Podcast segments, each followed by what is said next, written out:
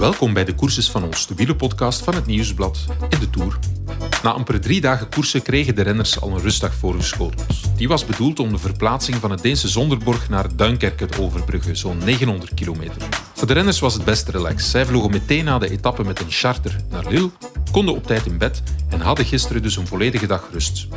De renners van Quickstep Alpha Vinyl bijvoorbeeld waren zondagavond om 22.20 uur in hun hotel. Maar aangezien rust roest maakten de meeste renners gisteren een tochtje van een paar uur op Franse bodem. Collega Wim Vos had een telefonisch interview met Nathan van Hooydonk, ploegmakker van Wout van Aert, en vroeg hem hoe lang ze bij Jumbo-Visma hadden getraind. En omdat onze eindredacteurs altijd ongeduldig op teksten zitten te wachten, tikken wij interviews meestal meteen uit. Op de achtergrond hoor je dus het klavier van Wim.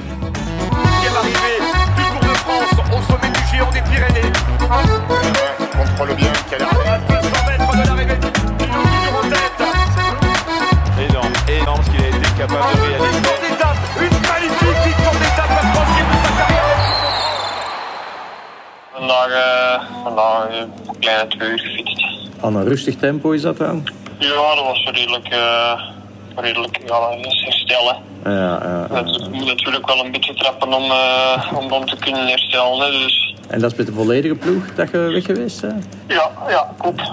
Een van de gespreksonderwerpen tussen de renners op de charter was de situatie bij de aankomst in Sonderborg. Er was voor de ploegbussen geen afgesloten parking voorzien. Een aantal ploegen stuurden hun renners ook meteen door naar het hotel om zich klaar te maken voor de vlucht, maar anderen kwamen in een totale chaos terecht waar duizenden enthousiaste en dronken Deense fans zonder mondmasker rond hen samentroepten. Echt niet oké, op het moment dat de ploegen er alles aan doen om COVID uit het peloton te houden. Gisteren was volk eigenlijk echt schandalig geregeld. Dat volk, dat krioel daar van het volk. En eh, we waren nog aan het losrijden op de rollen. Die media die stond daar dan. En wat ik begrijp, want die, die zijn die mogen daar komen. Zeker dan al die Denen, die zijn zot van Jonas. Er stond daar 300, 400 man in onze bus bij wijze van spreken. En er had er geen ene mondmasker van op. En ja, dat gewoon, ja, en wij doen dan alle moeite van de wereld om uh, het personeel in totaal een mondmasker te geven als ze borden komen opruimen en zo. Maar dan, daar, uh, daarna en zo heeft, heeft het dan eigenlijk helemaal niet goed geregeld. De renners zijn niet alleen na de koers blootgesteld aan supporters zonder mondmasker. Ze slapen in hotels die gewoon publiek toegankelijk zijn. Jumbo-Visma voorziet mondmaskers voor de personeelsleden van het hotel die in contact komen met de renners. Maar wat doe je als er s morgens gewoon fans voor je neus staan die een stift in de handen duwen? Richard Plugge, de algemeen manager van Jumbo-Visma, deed op Twitter een oproep aan de wielerfans om afstand te bewaren met de renners. Probeert natuurlijk zo weinig mogelijk aan te denken, hè, maar je probeert wel gewoon zo voorzichtig mogelijk te doen. Ik, ik, probeer al zo weinig als mensen vragen voor handtekeningen en zo, probeer je al, al uh, probeer je uit de covid-kaart al te trekken. om te zeggen van ja, sorry, uh, met alle respect, dat gaat niet. Ik kom even lekker van de morgen, ik kom beneden en ze staan er met 17 kaarten om te tekenen ik had nog niet ontbeten of ze waren er al. En ik van ja, die mannen die dragen ook allemaal geen masker en zo. En ja. je krijgt een stift in je pollen geduwd. Ja, dat is toch iets waar je een aantal jaren geleden niet bij nadacht. Maar nu denk je toch van ja, doe maar niet, doe wel. En, en, je kunt wel zeggen van ja, uh, je kunt dat in je handen ontsmetten en zo. Maar ik heb ook zoiets van ja, waar dat je het kunt vermijden, moet het wel gewoon, moet het gewoon vermijden. Ja. De ploegen mochten naast hun renners drie personeelsleden meesturen op de chartervluchten. Voor de rest van het tourcircus betekende de verplaatsing van een kleine duizend kilometer een stevige autorit met een Red Bull en Bifirol als avondmaal, een nacht met weinig slaap in een snelweghotel ergens in Duitsland en de volgende ochtend opnieuw een stevige autorit. Ik ben al een week van huis en passeerde er op weg naar Duinkerke, maar meer dan een stopje van een kwartier om mijn vuile was te droppen zat er niet in. In Duinkerke verzamelde ik met collega's Wim Vos en Stijn Joris in een zaaltje naast de hotellobby om terug te blikken op het Deense drieluik in de Tour. Extra sportief top. Sportief hadden we eigenlijk op meer gehoopt. Maar over één ding waren we het eens. Als ploegje mechaniciens en verzorgers roze crocs aan de voeten steken, dat is echt heel erg fout.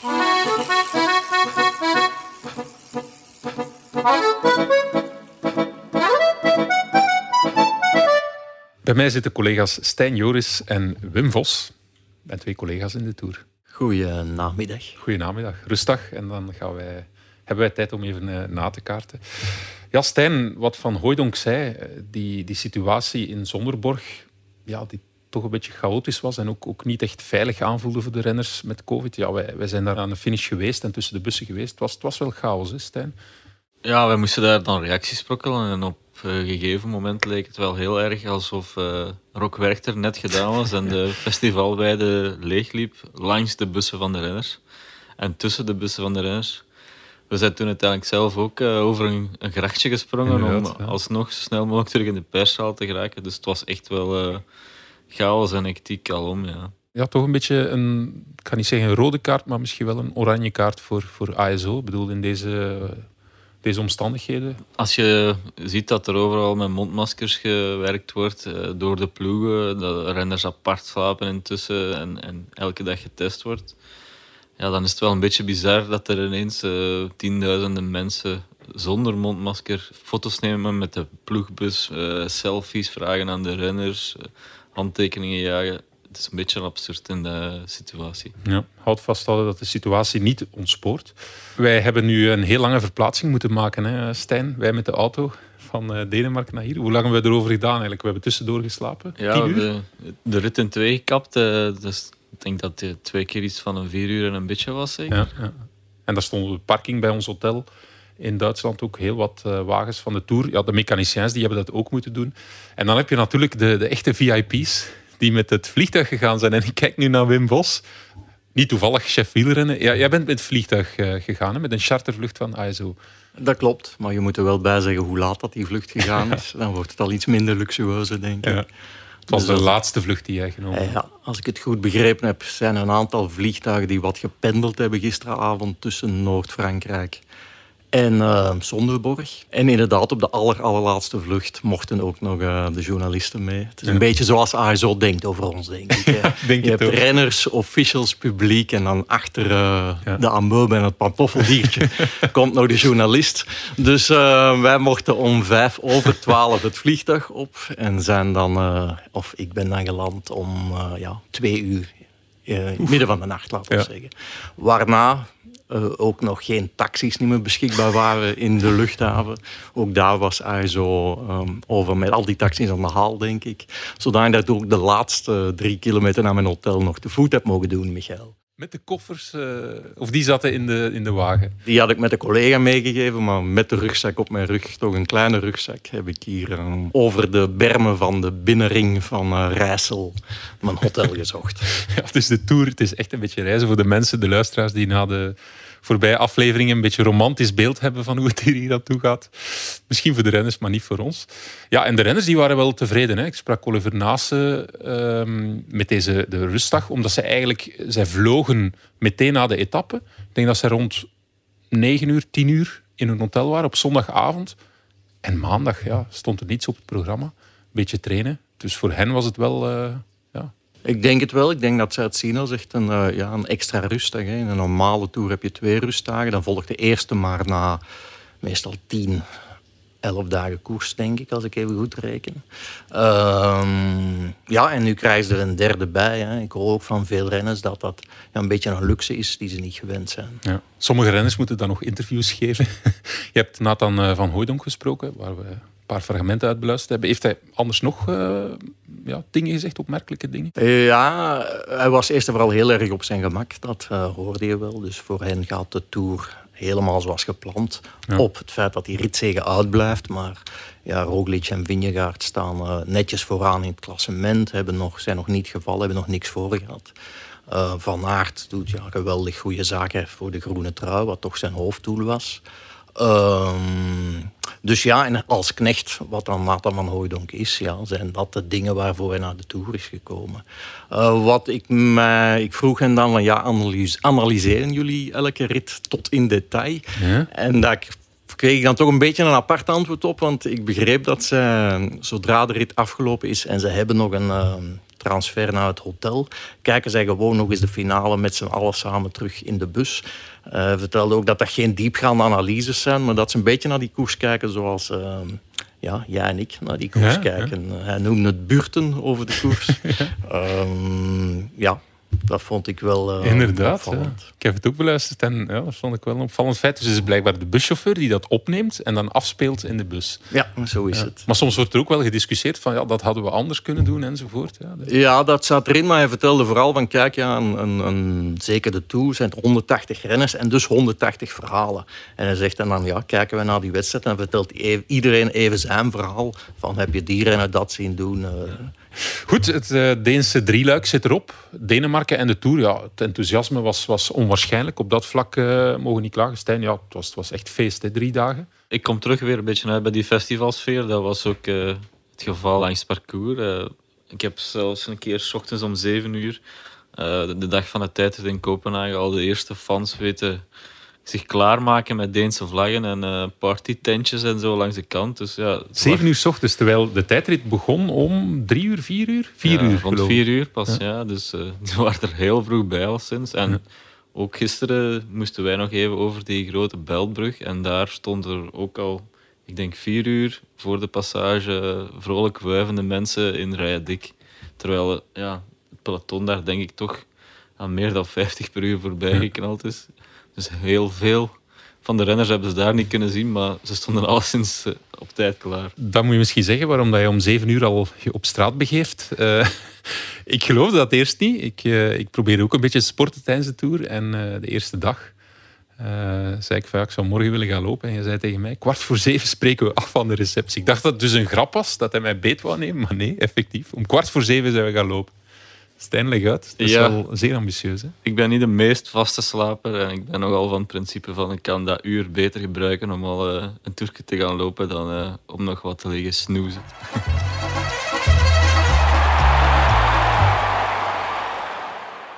Goed, de sfeer in Denemarken die was top. Sportief, wat moeten we daarvan maken? Ja, voor de Belgen denk ik dat het een, een heel goed weekend is. Dat kan je niet anders zeggen. Als je eerst Lampaard die die tijdrit wint, dan Van Aert die twee keer meedoet, drie keer meedoet voor de zege, drie keer ja. tweede, pakt dan het geel.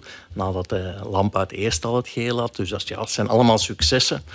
Anderzijds denk ik wel dat je moet stellen dat zeker de laatste twee ritten niet gegeven hebben wat we ervan hoopten of van dachten. Ja. Um, Waaraan ligt dat dan? Wel, ik had um, vorige week nog op een filmpje gestoten van op het moment dat Denemarken zijn kandidatuur stelde voor, deze, voor de Grand Départ, jaren geleden. En toen ja, pakten zij echt uit met het, als groot argument het weer in Denemarken. De wind, waaiers zouden er komen, allemaal spektakel.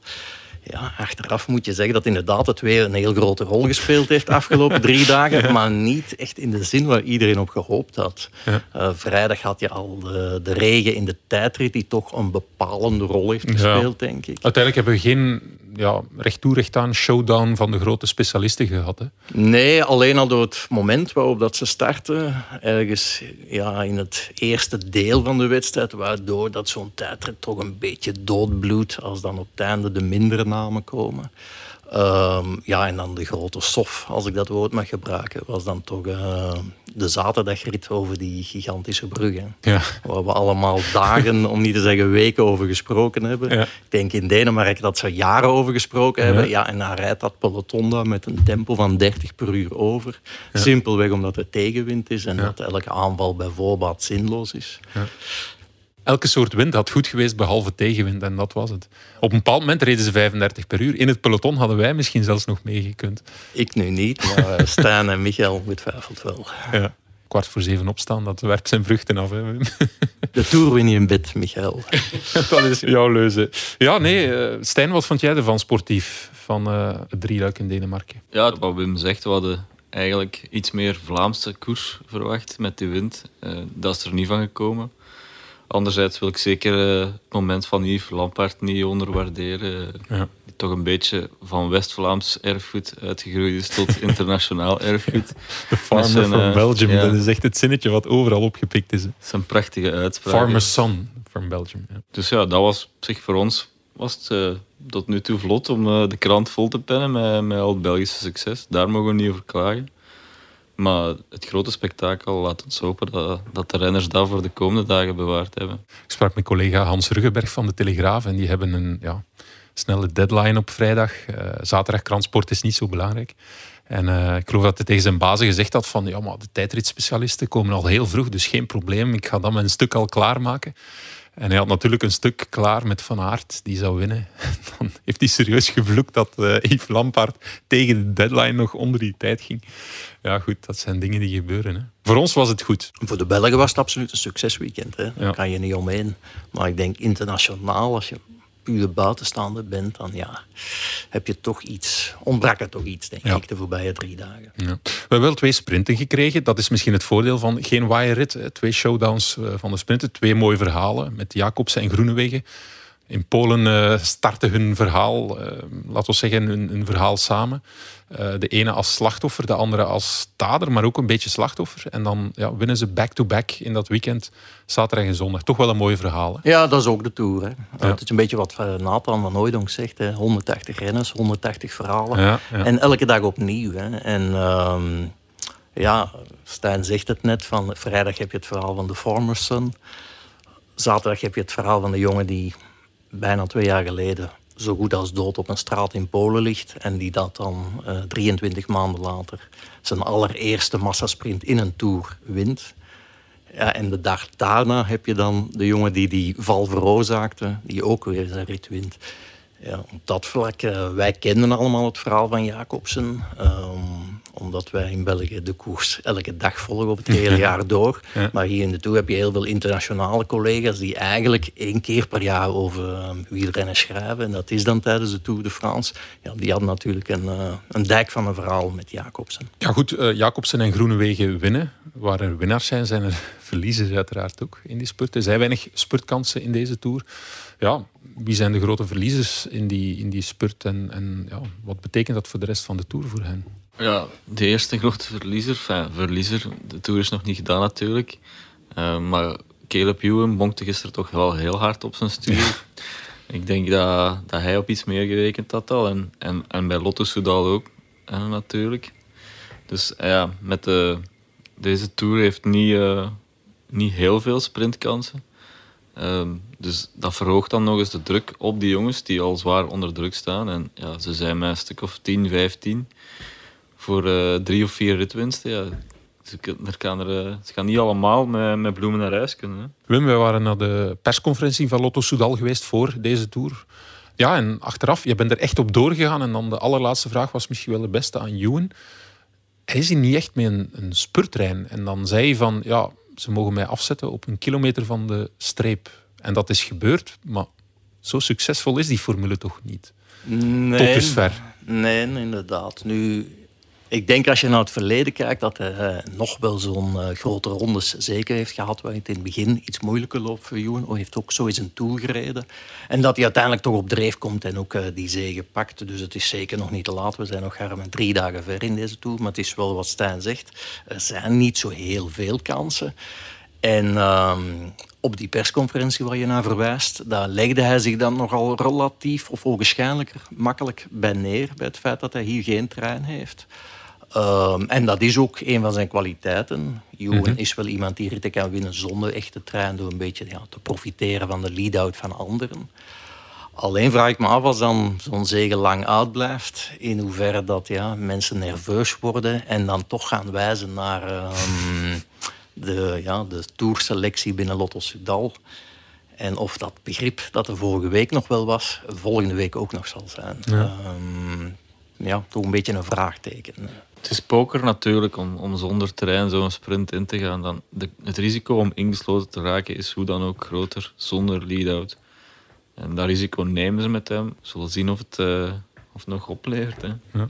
Want bij die tweede spurt had ik wel het gevoel dat hij de snelheid had.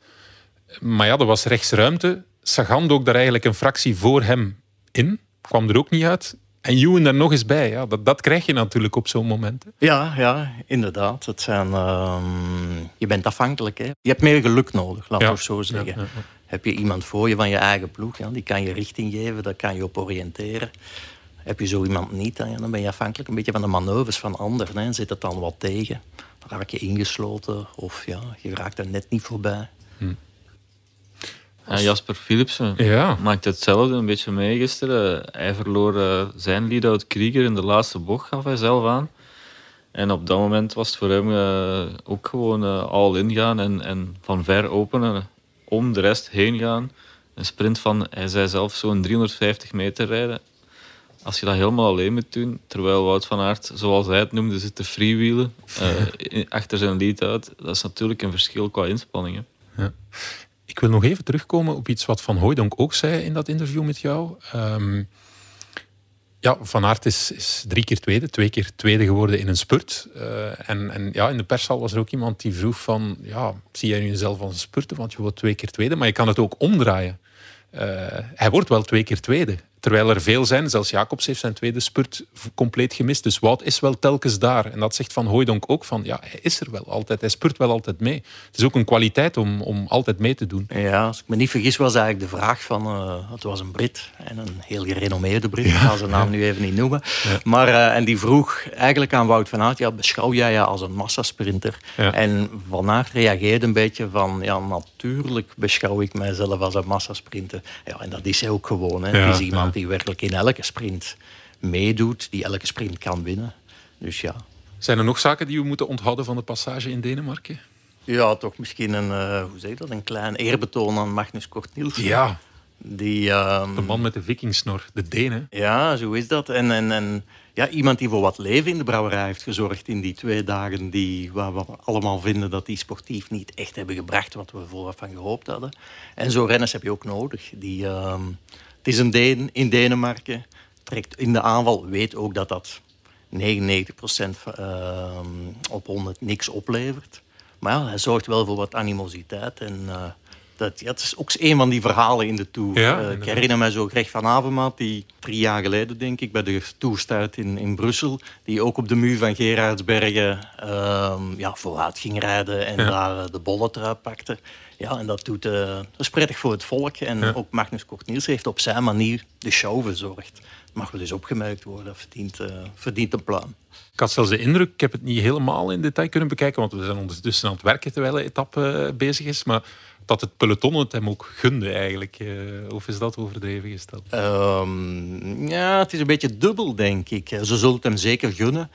Um, anderzijds, in die eerste rit was hij, dacht ik, op eh, weg met aanvankelijk drie of vier renners.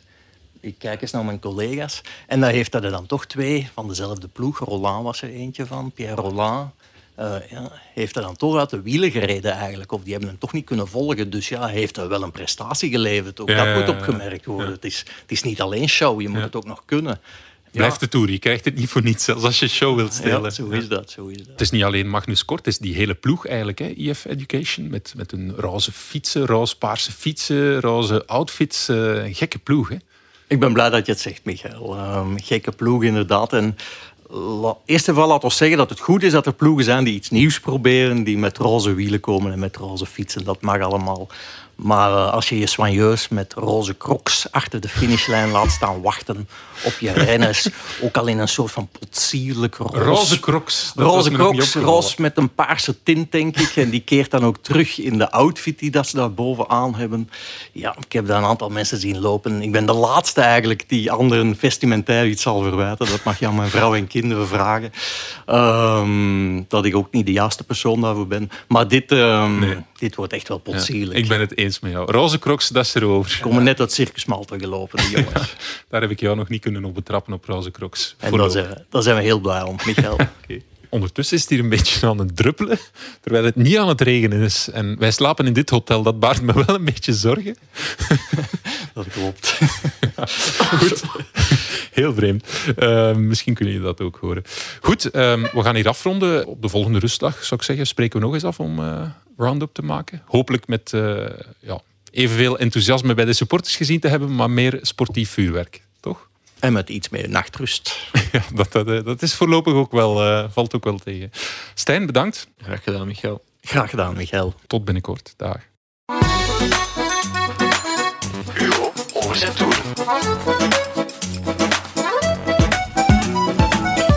Elke dag nemen jullie ook mee in de tijd. En dat doen we met een journalistiek monument van het Nieuwsblad. Hugo Korevits werd sportjournalist in mijn geboortejaar 1983 en heeft 25 Tour de France's op zijn palmarès. Duinkerke is voor de twintigste keer startplaats in de Tour, maar Hugo herinnert zich vooral die keer in 2007, toen de renners van Duinkerke naar Gent reden. Daar klopte de kolos Gert Steegmans par zijn kopman Tom Bonen. Maar in Parijs-Nice werd Gert Steegmans ooit zelf geveld. Duinkerke doet mij eigenlijk aan twee zaken dingen. De vierdaagse van Duinkerke die zes dagen duurt. En vroeger zeven ritten zelfs. En ten tweede onze vriend Hert Steegmans, de locomotief van Tom Bonen, die dus 15 jaar geleden zijn eerste gloriedag kende toen hij met start in Duinkerke in Gent op de Charles de Kerkhovenlaan zijn kopman uh, Tom Bonen vooraf bleef en zijn eerste ritzege pakte.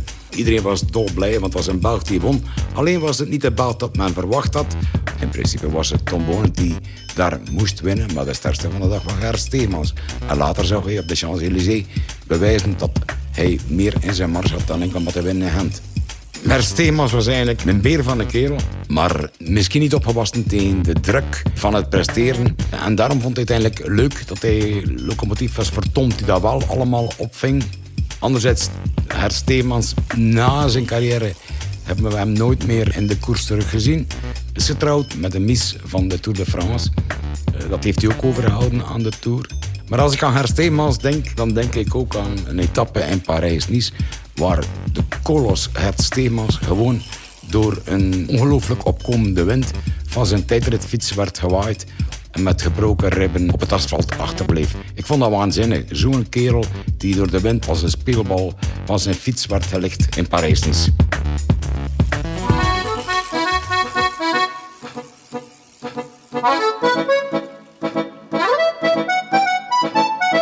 Ziezo, we zijn aan het einde gekomen van ons vierde uitstapje in de Tour de France. Als je de komende dagen zelf de Tour bezoekt, let er dan extra op om de afstand met de renners te respecteren. Bedankt om opnieuw bij ons te zijn en heel graag tot morgen. Dan zijn we er opnieuw vanaf 7 uur s ochtends, weer midden de actie.